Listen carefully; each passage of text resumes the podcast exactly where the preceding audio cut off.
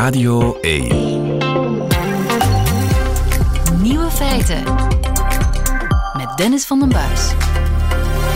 Hallo, welkom bij de podcast van Nieuwe Feiten van vrijdag 2 juni 2023. In het nieuws vandaag dat je veel geld kan besparen als je je trip naar Japan nog even uitstelt. Een eeuw om precies te zijn. Je moet weten, de tolprijs, de peage op de snelwegen, is een belangrijk discussiepunt in Japan. Want even cruisen met je Suzuki van Tokio naar Osaka kost zo'n 12.000 yen, dat is 80 euro, en voor veel Japanners een te grote hap uit het budget. En dus beloofde de overheid daar iets aan te doen. In 2005 zeiden ze, we gaan dat afschaffen, die tol, tegen 2055. In 2014 werd die deadline voor tolvrije wegen alweer verlengd met 10 jaar. En nu dus opnieuw. De nieuwe datum 2115. Kijk, nog een kleine eeuw wachten en we kunnen tolvrij bollen door Japan. De Fransen kunnen er nog iets van leren. De andere nieuwe feiten. Een grootschalig onderzoek naar peniskanker heeft na negen jaar eindelijk de honderdste patiënt gevonden. Een update van de gorilla-test toont aan dat we selectief blind zijn voor dingen die traag bewegen. Annelies Bontjes komt langs, want zij keek met grote verbazing naar de TikTok-video van Sami Medi over de zaak Sandadia. We spelen de nieuwe feiten vrijdagquiz en het middagjournaal komt van Nico Dijkshoorn. Veel plezier.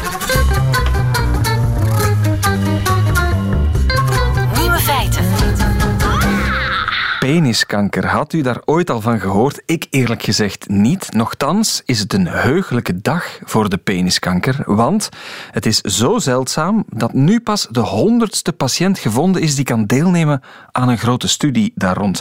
Professor urologie Maarten Albersen van het UZ Leuven is bij ons. Professor, goedemiddag. Goedemiddag. Peniskanker, voor u is dat iets minder onbekend, denk ik. Ja, voor mij is dat iets minder onbekend, eh, gelukkig maar. Eh, het is inderdaad een zeer zeldzame kanker. Ik wil je ook eh, danken om daar een keertje aandacht aan te besteden. Het komt ongeveer voor bij 1 op 100 tot 1 op 100.000 eh, inwoners van westerse landen. Dus daarmee is het een extreem zeldzame kanker. Ehm, en in België zien we er ongeveer 90 of 100 per jaar. Dus nieuwe diagnoses, nieuwe mannen die met een peniskanker gediagnosticeerd worden. Ja, want Dus- als er nu één plek is in het lichaam waar een gezwel of een zwelling vaak gewenst is, dan is het daar. Hoe kan je ontdekken dat je peniskanker hebt? Hoe, hoe merk je dat? Ja, je zou denken dat, eh, dat als je iets ziet veranderen aan, eh, aan de penis, dat alle alarmbellen afgaan en dat je heel snel naar de, de dokter zou lopen, maar dat blijkt niet waar te zijn. Mannen schamen zich toch nog eh, erg om met eh, afwijkingen aan de penis snel eh, hulp te zoeken bij de huisarts of bij andere artsen. Hoe kun je het zien? Dus het gaat eerder om zien dan om voelen. Hè? Dus bijvoorbeeld bij, bij borstkanker dan gaat het over de klieren die onder de huid liggen, waarin een kanker ontstaat. Dus dan voel je een knobbeltje. Hè, bij peniskanker is het meer aan de buitenkant. Het gaat eigenlijk over een kanker van de huid en de slijmvliezen van de penis. Dus je kunt het zien doordat je bijvoorbeeld een fluweelachtige rode vlek ontwikkelt. En dat is dan vaak op de eikel of aan de binnenkant van de voorhuid. En dan gaat het over carcinoma in situ. Dat is een soort voorloperziekte of een voorloperstadium van peniskanker. Als je echt spreekt van kanker, dan gaat het meestal over een kratertje dat zichtbaar is in de huid of een soort vratachtig gezwel. Vaak blijft het ook lang onzichtbaar, omdat het groeit onder de voorhuid. Mannen merken dan dat de voorhuid niet meer zo goed naar achter gaat en dat het daaronder wat dikker aanvoelt of wat jeukt of tot er af en toe wat pus uitkomt. En dan komt het soms vaak pas eh, naar voren op het moment dat we een besnijdenis doen. En eh, wordt er op dat moment een, een gezwel gezien. Dus het kan een vratje zijn, het kan een wat grotere vrat, een wat hardere letsel zijn, het kan een kratertje zijn. Het kan zich op verschillende manieren presenteren. En kan het zich ook ontwikkelen tot echt een, een, een grote tumor? Is dat het Ja, beeld dat dat we er ook van moeten hebben? Dat kan ook. Hè. Dus, eh, dat, do- doordat er wat schaamte is en doordat er wat taboe is eh, daar rond, zijn er inderdaad mannen die jammer genoeg eh, vrij lang wachten met het zoeken van, van zorg. En zien we soms ook echt grote tumoren op de penis ontwikkelen. Ja. Ja, want, want wat zijn de gevolgen van peniskanker als je daarmee blijft rondlopen? Ja, het is een vrij agressieve tumor. Ehm, en met agressief bedoel ik dan enerzijds wat we noemen lokaal agressief. Dus het gaat de weefsels van de penis aantasten. Dus je penis functioneert niet meer hoe die zou moeten. Je kunt eh, bijvoorbeeld niet meer goed plassen. Je kunt niet meer goed eh, erecties krijgen enzovoort. Dus de weefsels lokaal worden makkelijk aangetast. Maar het is ook agressief in de zin dat het heel snel en vrij vroegtijdig kan uitzaaien. En dan gaat het meestal naar de lymfeklieren in de liezen. Dat zitten de lymfeklieren die de, de, lymfebanen van, de lymfebanen van de penis ontvangen. En dus is wel zaak om de tumor zo vroeg mogelijk te detecteren en zo vroeg mogelijk naar de dokter te gaan als je iets ziet veranderen aan je penis. Ja, want heeft het ook gevolgen, de behandeling voor de werking of ja, het intact blijven van de penis nadien? Ja, behoorlijk. Eh, dus um, laten we zeggen, tot een 10, 15 jaar geleden werd er uh, voor deze ziekte een radicale of een gedeeltelijke amputatie van de penis uitgevoerd. Dat wil dus zeggen dat de penis ofwel volledig weggenomen werd en dan moet een man plassen via eh, de plasbuis die dan achter de balzak terug aan de huid uh, vastgehecht wordt. Dus moet je eigenlijk altijd zittend gaan plassen. Uh of een gedeeltelijke amputatie was ook mogelijk, waarbij je dus behoorlijke negatieve gevolgen hebt op de seksualiteit, het mangevoel, het man zijn, het staand kunnen plassen en de esthetiek van de penis. De eikel is dus gewoon weg dan? De eikel kan bijvoorbeeld weg zijn of zelfs meer dan de eikel. En dus tegenwoordig zijn we conservatiever en dan proberen we alleen de tumor weg te nemen. Dus niet meer weefsel dan absoluut noodzakelijk is. Of alleen het stukje van de penis waar de tumor zich bevindt, zoals bijvoorbeeld de eikel. Dan nemen we alleen de eikel weg en dan vervangen we die door een huidgreffe van het dijbeen. Oké. Dus en, en, hoe, hoe, hoe kan je dat krijgen? Is dat toeval? Heeft dat met leeftijd te maken, met levensstijl? Er zijn een aantal factoren. 50% van de mannen die peniskanker krijgen, die hebben een, een infectie met het HPV-virus, het humaan papillomavirus. Dus je kunt het ook voorkomen. En het is ook goed dat we tegenwoordig jongens en meisjes tegen HPV-virus uh, vaccineren. Um, dus HPV speelt een rol in ongeveer 50% van de mensen die peniskanker krijgen. In de andere 50% gaat het vaak over mensen die een vernauwde vooruit hebben en daar heel lang blijven rondlopen, waardoor er hygiëneproblemen ontstaan. Dus goed kijken naar de penis op jonge of oude leeftijd. Het loont altijd, al was het maar om dit voortijdig eh, te ontdekken. Nu is de honderdste patiënt in dat grote onderzoek opgenomen. Een heugelijke dag noemde ik. Wil dat zeggen dat we de komende jaren grote stappen mogen verwachten in uw onderzoek, in de, in de behandelingen? Grote stappen is, uh, is misschien overdreven, maar we gaan uh, hopelijk met de resultaten van het onderzoek vooruit gaan. Hè. Dus het onderzoek heet de impactstudie en uh, het probeert de behandeling van mensen die uitzaaiingen hebben in die liesklieren te optimaliseren door naast operaties hè, waarbij de liezen uitgeruimd worden, um, dus naast dat soort operaties ook chemotherapie of chemotherapie samen met bestraling te geven. Voorafgaand aan zo'n liesklieruitruiming of als alternatief. En het doel is eigenlijk om, mensen, om meer mensen te genezen, hè, dus door betere of, of uh, sterkere of betere, betere combinatie van behandelingen te geven of toch een alternatieve behandeling te kunnen voorzien die mogelijk minder effecten heeft op de levenskwaliteit. Want zo'n liesklieruitruiming dat geeft vaak lymfeödeem, dus vochtopstapeling in de benen, naar analogie voor vrouwen die borstkanker en een okseluitruiming hebben gehad. En dat geeft behoorlijke impact op de levenskwaliteit. Dus als we die behandeling kunnen vervangen door radiotherapie op de liezen, samen met chemotherapie, kunnen we misschien een, een behandeling geven waardoor mensen minder last hebben van hun behandeling op zich. Het is reden genoeg, denk ik, heel dit gesprek om snel naar de dokter te stappen. Als je toch iets merkt, uh, laat die schaamte achterwege daar beneden rond de penis. Over peniskanker heel veel bijgeleerd, uroloog Maarten Albersen. Dankjewel. Graag gedaan. Nieuwe feiten.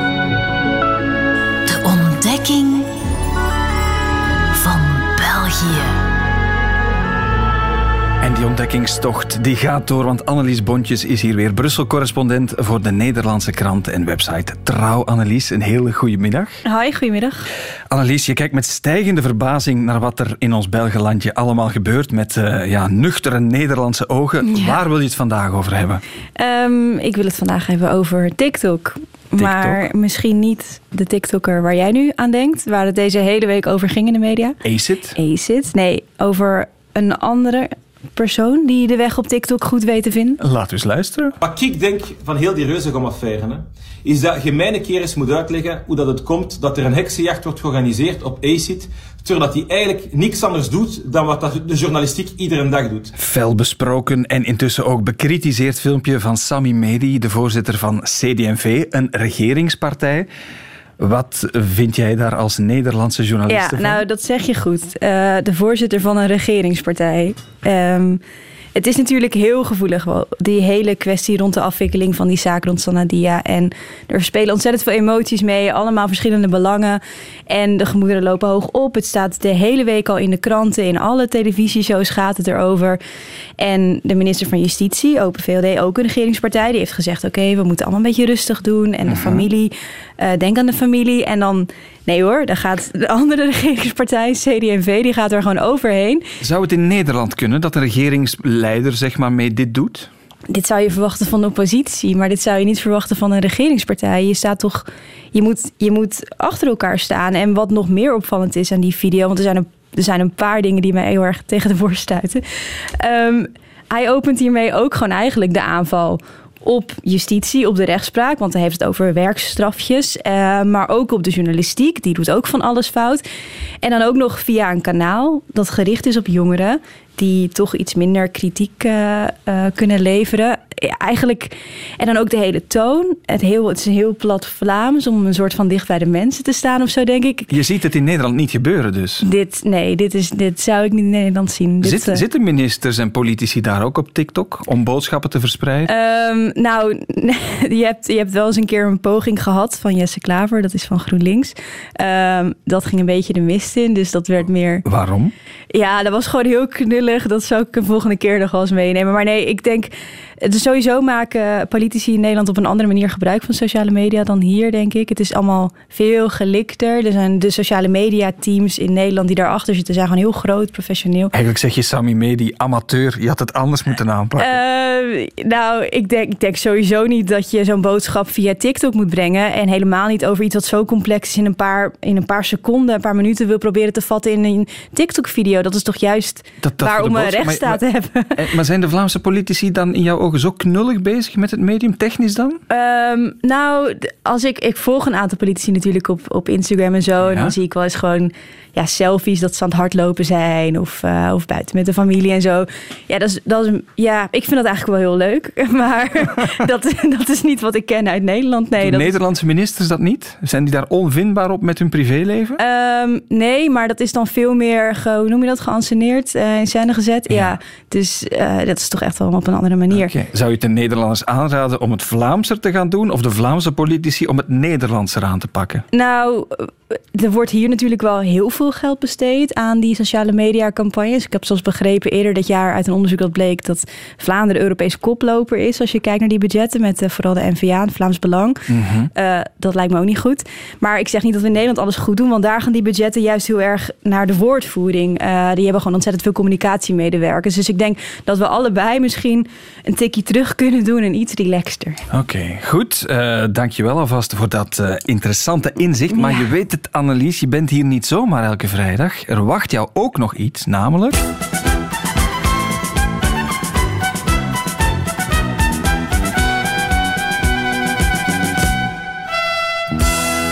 Examen Vlaams. Examen typische Vlaamse woorden. Het eerste woord dat ik jou wil voorleggen is het woord plakken. Plakken. Uh... Kan dat zijn? Nou, je kan iets vastplakken hè, met lijm en zo, maar dat bedoel jij vast niet iets. Uh... Als de verkiezingen eraan komen, ja, dan zijn er mensen die zeggen we moeten gaan plakken. Uh, uh, ja, ja, kiezers, bij, kiezers winnen. De kiezers moeten gaan, gaan plakken. Het gaat om het ophangen van de affiches, de verkiezingsaffiches. Oh, dan moet je gaan plakken. Ja, okay, ja. Nu, als je dat iets te driest doet, heb je misschien nood aan een plakker aan een plakker. Eh, iemand die dat voor je doet dan, denk ja, ik. Ja, maar het is helemaal misgegaan. Je hebt een beetje pijn, je hebt een plakker nodig. Een pleister? Ja, een pleister. Ik, ik heb soms ook, als, als ik aan het renoveren ben, dan heb, heb ik ook graag dat er een plakker in de buurt is. Een andere plakker. renoveren een... Een plakker.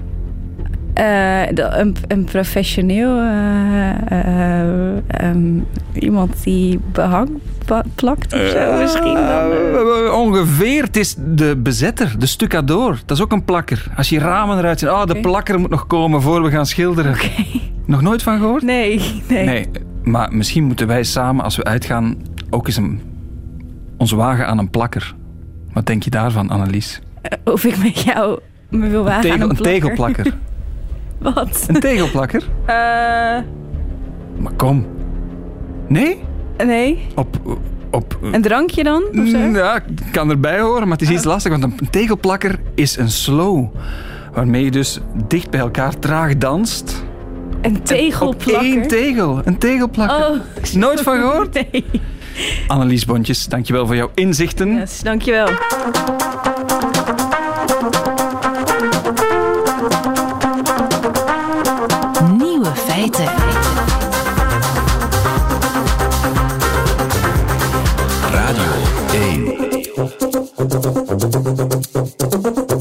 Ken je het bekende gorilla-experiment? Een van de ja, meest verspreide populaire wetenschappelijke experimenten. We gaan het er zo meteen over hebben. Maar de bevindingen daarvan blijken niet te kloppen. Tom Bekkers bij ons, professor cognitieve psychologie aan de KU Leuven. Professor Bekkers, goedemiddag. Goedemiddag, Dennis. Dat gorilla-experiment, kan je dat nog eens uitleggen? Hoe ging dat weer? Ja, het gaat eigenlijk over uh, onoplettendheidsblindheid, of zoals ze in de volksmond zeggen, ziende blind zijn. Uh, daar hebben we het dan over. Het bekendste voorbeeld daarvan is inderdaad de, de onzichtbare gorilla. Dat is een studie oorspronkelijk uit de jaren 90 van de vorige eeuw. Veel luisteraars hebben wellicht uh, ooit al wel eens de video gezien. Het filmpje staat ook op YouTube. ik heb de test gisteren ook nog eens met succes bij mijn jongste zoon gedaan, die hem nog niet kende. wat er gebeurt is, je ziet een filmpje waarin zes mensen rondlopen met een basketbal. Drie mensen met een wit shirt, drie mensen met een zwart shirt. En je opdracht is om te tellen hoe vaak de mensen met, de witte bal, uh, met het witte shirt de bal naar elkaar passen. En terwijl ze daarmee bezig zijn, komt er rustigjes een man in een gorillapak langs rechts in beeld gewandeld, blijft halverwege staan, trommelt zich even op de borst en verdwijnt vervolgens langs links weer uit het beeld. Die gorilla die is in totaal ongeveer negen seconden lang prominent in beeld. Mm-hmm. Maar als je mensen achteraf vraagt of ze iets bijzonders hebben opgemerkt terwijl ze naar die video aan het kijken waren, dan kijken ze je niet begrijpend aan. En als je zegt dat er een gorilla door het beeld is gewandeld, geloven ze je niet tot ze de video opnieuw bekijken. Ja, die gorilla is ook zwart, hè? net zoals het andere team, dat je dan eigenlijk ja, totaal niet in de gaten moet houden. Wat moest die test uh, aantonen? Goh, wat die onzichtbare gorilla illustreert, is dat wanneer we met onze volle aandacht bij een taak zijn waarbij we op bepaalde informatie moeten letten, dat dan andere, nogthans in C opvallende en onverwachte zaken ons compleet kunnen ontgaan. Het is dus een soort van psychologische blindheid, want met onze ogen is in C niks mis op dat moment. Maar het is onze cognitieve machinerie die ons parten speelt. En eigenlijk zou het dus niet onoplettendheidsblindheid, maar oplettendheidsblindheid moeten heten, want die blindheid is in wezen een gevolg van een te sterke aandachtsfocus, niet van een gebrek aan aandacht. Ja, dat experiment, velen hebben dat al wel eens gedaan. Jouw zoon heeft dat dan ook met vlag en wimpel doorstaan. Maar, blijkt nu uit nieuw onderzoek, het klopt niet helemaal dat we die gorilla niet altijd zien. Ja, uh, het klopt wellicht inderdaad niet helemaal. Wat op zich ook goed nieuws is, want um, dat, dat uh, fenomeen van die onoplettendheid, blindheid, dat is sinds die eerste demonstratie wel vaak gerepliceerd. En het idee is, was dat dat een heel belangrijke rol speelt in allerlei dagdagelijkse detectieproblemen waar wij last van hebben. Zoals wanneer je een fietser niet opmerkt die in je perifere blikveld opduikt terwijl je aan het autorijden bent. Of schrijffouten niet ziet als je een tekst aan het nalezen bent met bijzondere aandacht voor inhoud en grammaticale correctheid. En zo kan het dus gebeuren dat bijvoorbeeld de eindredacteur van een krant um, schrijffouten niet ziet die lezers achteraf meteen opmerken. En, mm-hmm. en dan denken, hoe kan het dat een aandachtige eindredacteur dat niet gezien heeft? En de reden is dus net dat hij dat hij of zij te aandachtig was, wellicht. Ja. Uh, of een radioloog die een tumor op een scan niet opmerkt, omdat hij eigenlijk op zoek is naar een andere anomalie. Maar dat zijn eigenlijk dus toepassingen van, van de conclusie die we al hadden van ja. dat gorilla-experiment. Ja. Nu blijkt dus... dat het toch iets anders zit. Wat is er veranderd aan de inzichten? Dus in die, in die nieuwe studie die net verschenen is, konden de onderzoekers aantonen dat die onzichtbare gorilla, ze konden dat niet alleen netjes repliceren, ze konden ook aantonen dat die gorilla niet onzichtbaar is ondanks het feit dat hij zo lang in beeld is, maar eigenlijk net dankzij het feit dat hij zo lang in beeld zit. Hoe zit dat precies? Op zich is het heel vreemd. Die, die gorilla die beweegt bijna 10 seconden over het scherm en je ziet hem niet. Maar wat de auteurs van die nieuwe studie gedaan hebben, die manipuleerden de snelheid waarmee die gorilla over het scherm beweegt. En wat blijkt, als je die gorilla sneller laat bewegen, dan wordt hij net veel makkelijker opgemerkt. Ook als mensen hun aandacht op het tellen van de passes van de witte spelers richten.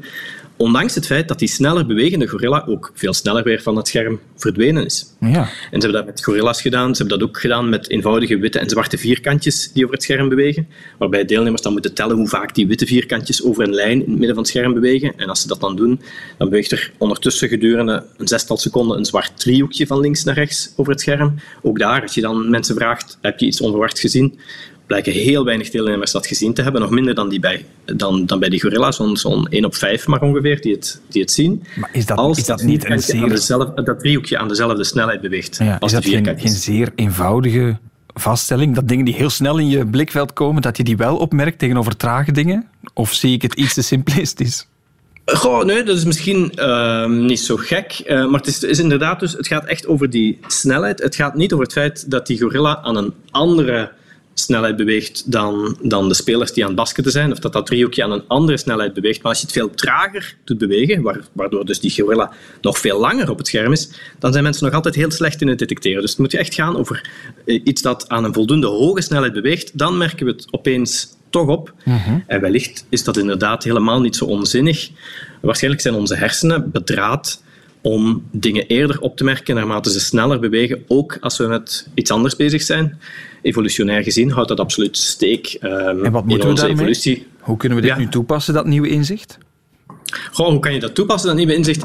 Ehm, het is enerzijds een troostende gedachte. Het betekent dat wellicht onze onoplettenheidsblindheid toch niet zo groot is voor bijvoorbeeld zo'n fietser die opeens aan hoge snelheid komt opgedoken. Dus, dus het, het relativeert een beetje het grote gevaar dat er zogezegd zou uitgaan van die onoplettenheidsblindheid. Ehm, we hebben toch wel een soort van schildwachtsysteem eh, ontwikkeld dat blijkbaar constant de beweging bewaakt en ons wel waarschuwt wanneer er mogelijke gevaren in de omgeving opduiken, Ja. als die maar eh, snel genoeg bewegen. Ja, maar echtelijke twisten over selectief blind zijn voor rommel die nog ergens blijft liggen, dat gaan we hier ook niet mee oplossen, denk ik. Hè? Dat gaan we hier vrees ik niet mee oplossen. Heel jammer, heel jammer om te horen, maar toch een nieuw inzicht gekregen.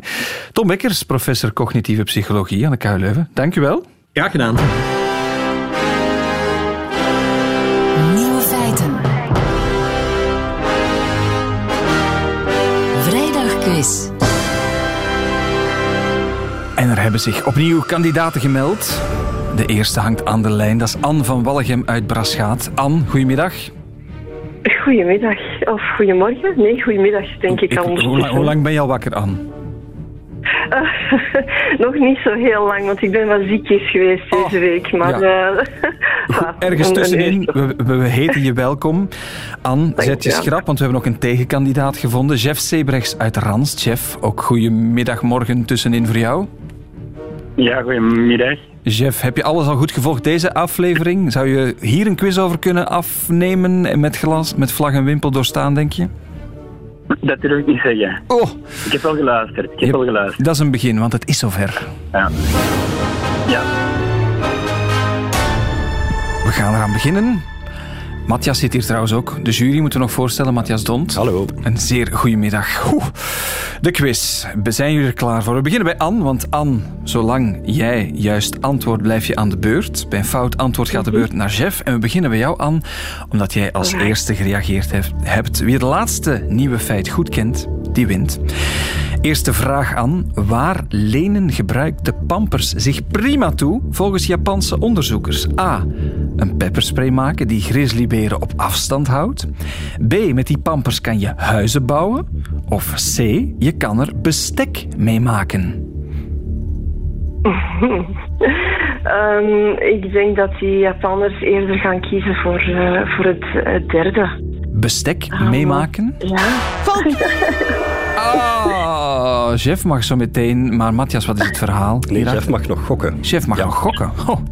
Goed dat de jury hier chef zit. het wel, hè, ja. Chef, aan jou. Wat, Ja. wat is het? Ik, ik, zou, ik zou het eerste gegokt hebben. Een pepper. Ah! Oh, kijk.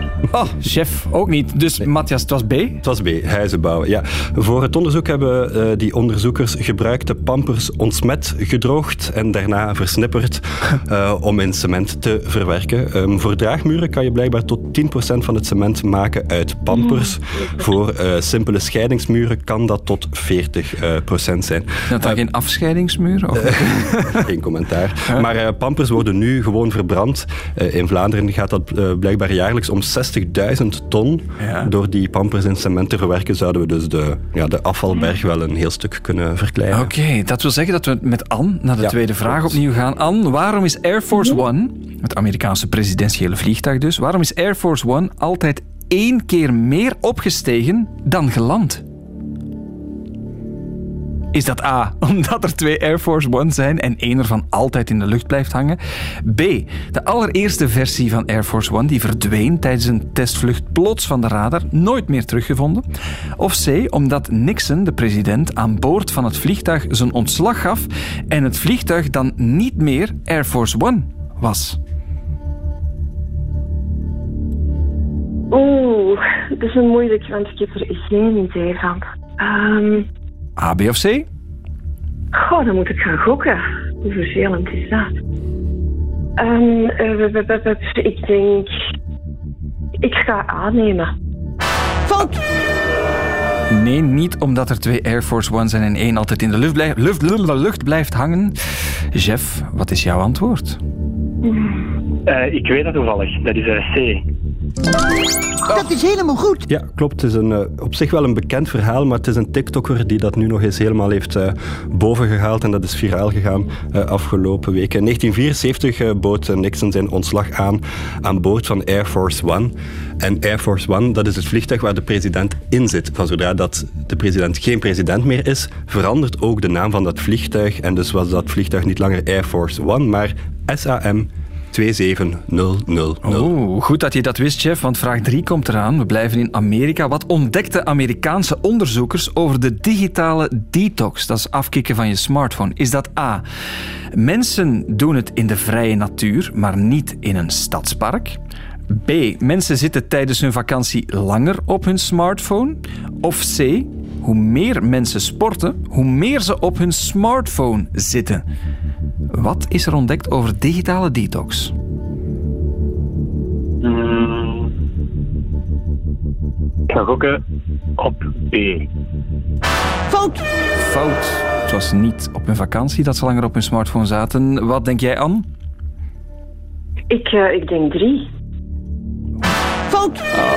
Matthias, wat was het antwoord? Nee, dus antwoord A. Dus mensen, ehm, als die ehm, naar de vrije natuur trekken, dan gebruiken ze hun smartphone minder. Maar wanneer ze naar een stadspark of een meer stedelijke groene omgeving trekken, dan gaan ze net meer eh, die smartphone gaan gebruiken. Het blijkt uit onderzoek onder eh, 700 eh, eh, mensen. Mensen in die start, stadsparken gingen meer gaan sms'en, meer foto's op Instagram gaan zetten en dat soort Dus we dingen. moeten echt naar het bos. Echt als naar we het bos, willen de vrije natuur, ja. Jeff, jij was de laatste met een goed antwoord, dus de laatste vraag, daar mag jij ook aan beginnen. Vraag 4. Wat blijkt uit een nieuw onderzoek naar de Tyrannosaurus rex, de T-Rex? A. Hun kleine handjes waren eigenlijk bontgekleurde versiermiddelen, zoals de pauwenstaart. B.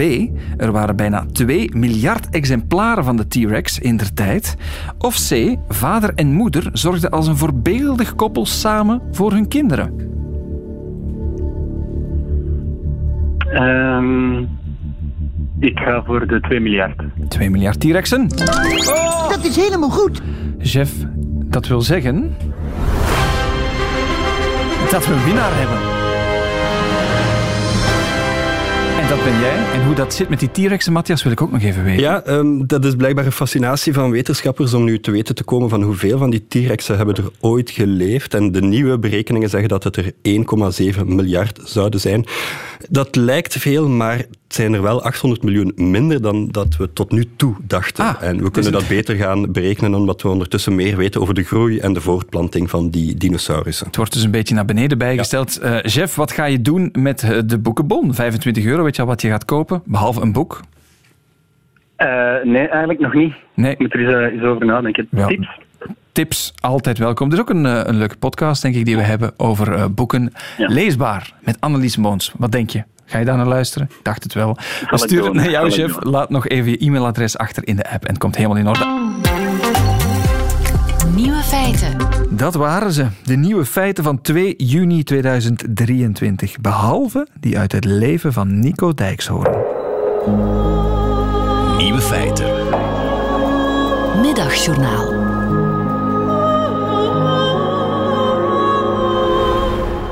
Beste luisteraars, gisterenmiddag was ik in een parfumerie en toen moest ik aan mijn oma denken. Het was niet omdat het daar naar haar rook. Mijn oma rook, zoals alle oude mensen in 1973, naar oude gordijnen, bleekmiddel en steenkool. Nee, het was de ongelofelijke overvloed aan verschillende luchtjes die mij aan mijn oma deden denken. Zij kocht, tot ze overleed, ieder jaar hetzelfde luchtje voor mij. En ik herinner mij de naam Old Spice. En dat was al niet heel aantrekkelijk. Als ik dan toch naar kruiden moest ruiken, dan toch veel liever naar nieuwe kruiden. Ik herinner mij ook dat je het cadeau van mijn oma met een soort roller op je voorhoofd moest aanbrengen. Daarna rook je de hele dag naar oude nootmuskaat. Het was fijn dat ik precies wist wat ik ieder jaar van mijn oma zou krijgen. Het werd een soort routine waar wij allebei plezier aan beleefden. Zij zei ieder jaar: Ik heb erg mijn best gedaan voor je, jongen. De meneer in de winkel zei dat je dit wel een lekker luchtje zou vinden. En daarna pakte ik het uit en dan kon ik weer zeggen: Oh, oma, een luchtje. Wat fijn, dat kan ik op mijn lichaam doen, zodat ik eens een keer niet de hele dag naar Nico ruik. Inmiddels is er nogal wat veranderd in de wereld die lichaamsgeur heet. Niemand ruikt nog naar old okselzweet. Wanneer ik in een gebouw de lift neem en er staan al vier andere mannen in de lift, dan moet ik mij bijna vasthouden, zo overweldigend ruikt het er naar meloen, grisant, muskus, leeuwenpis en een vleugje pandasperma. Daarom liep ik gisteren eerst heel voorzichtig langs de eindeloze rijen eau de toilet voor mannen.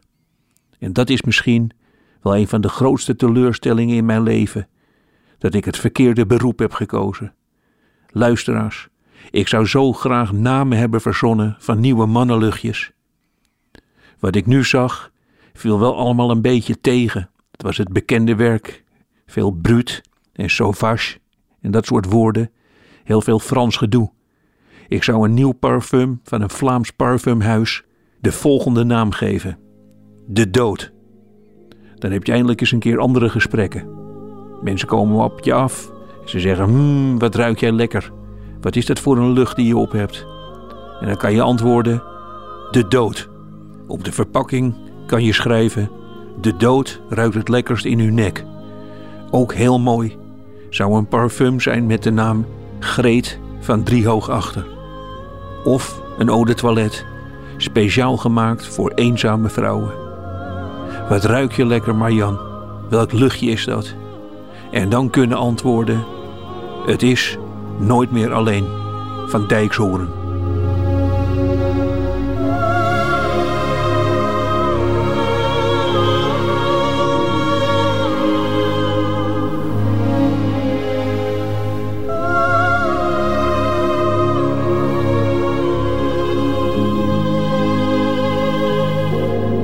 En daarmee zijn we alweer aan het einde van deze interessante podcast van Nieuwe Feiten gekomen. Voor meer podcasts van Radio 1 kan je terecht op VRT Max. Tot de volgende.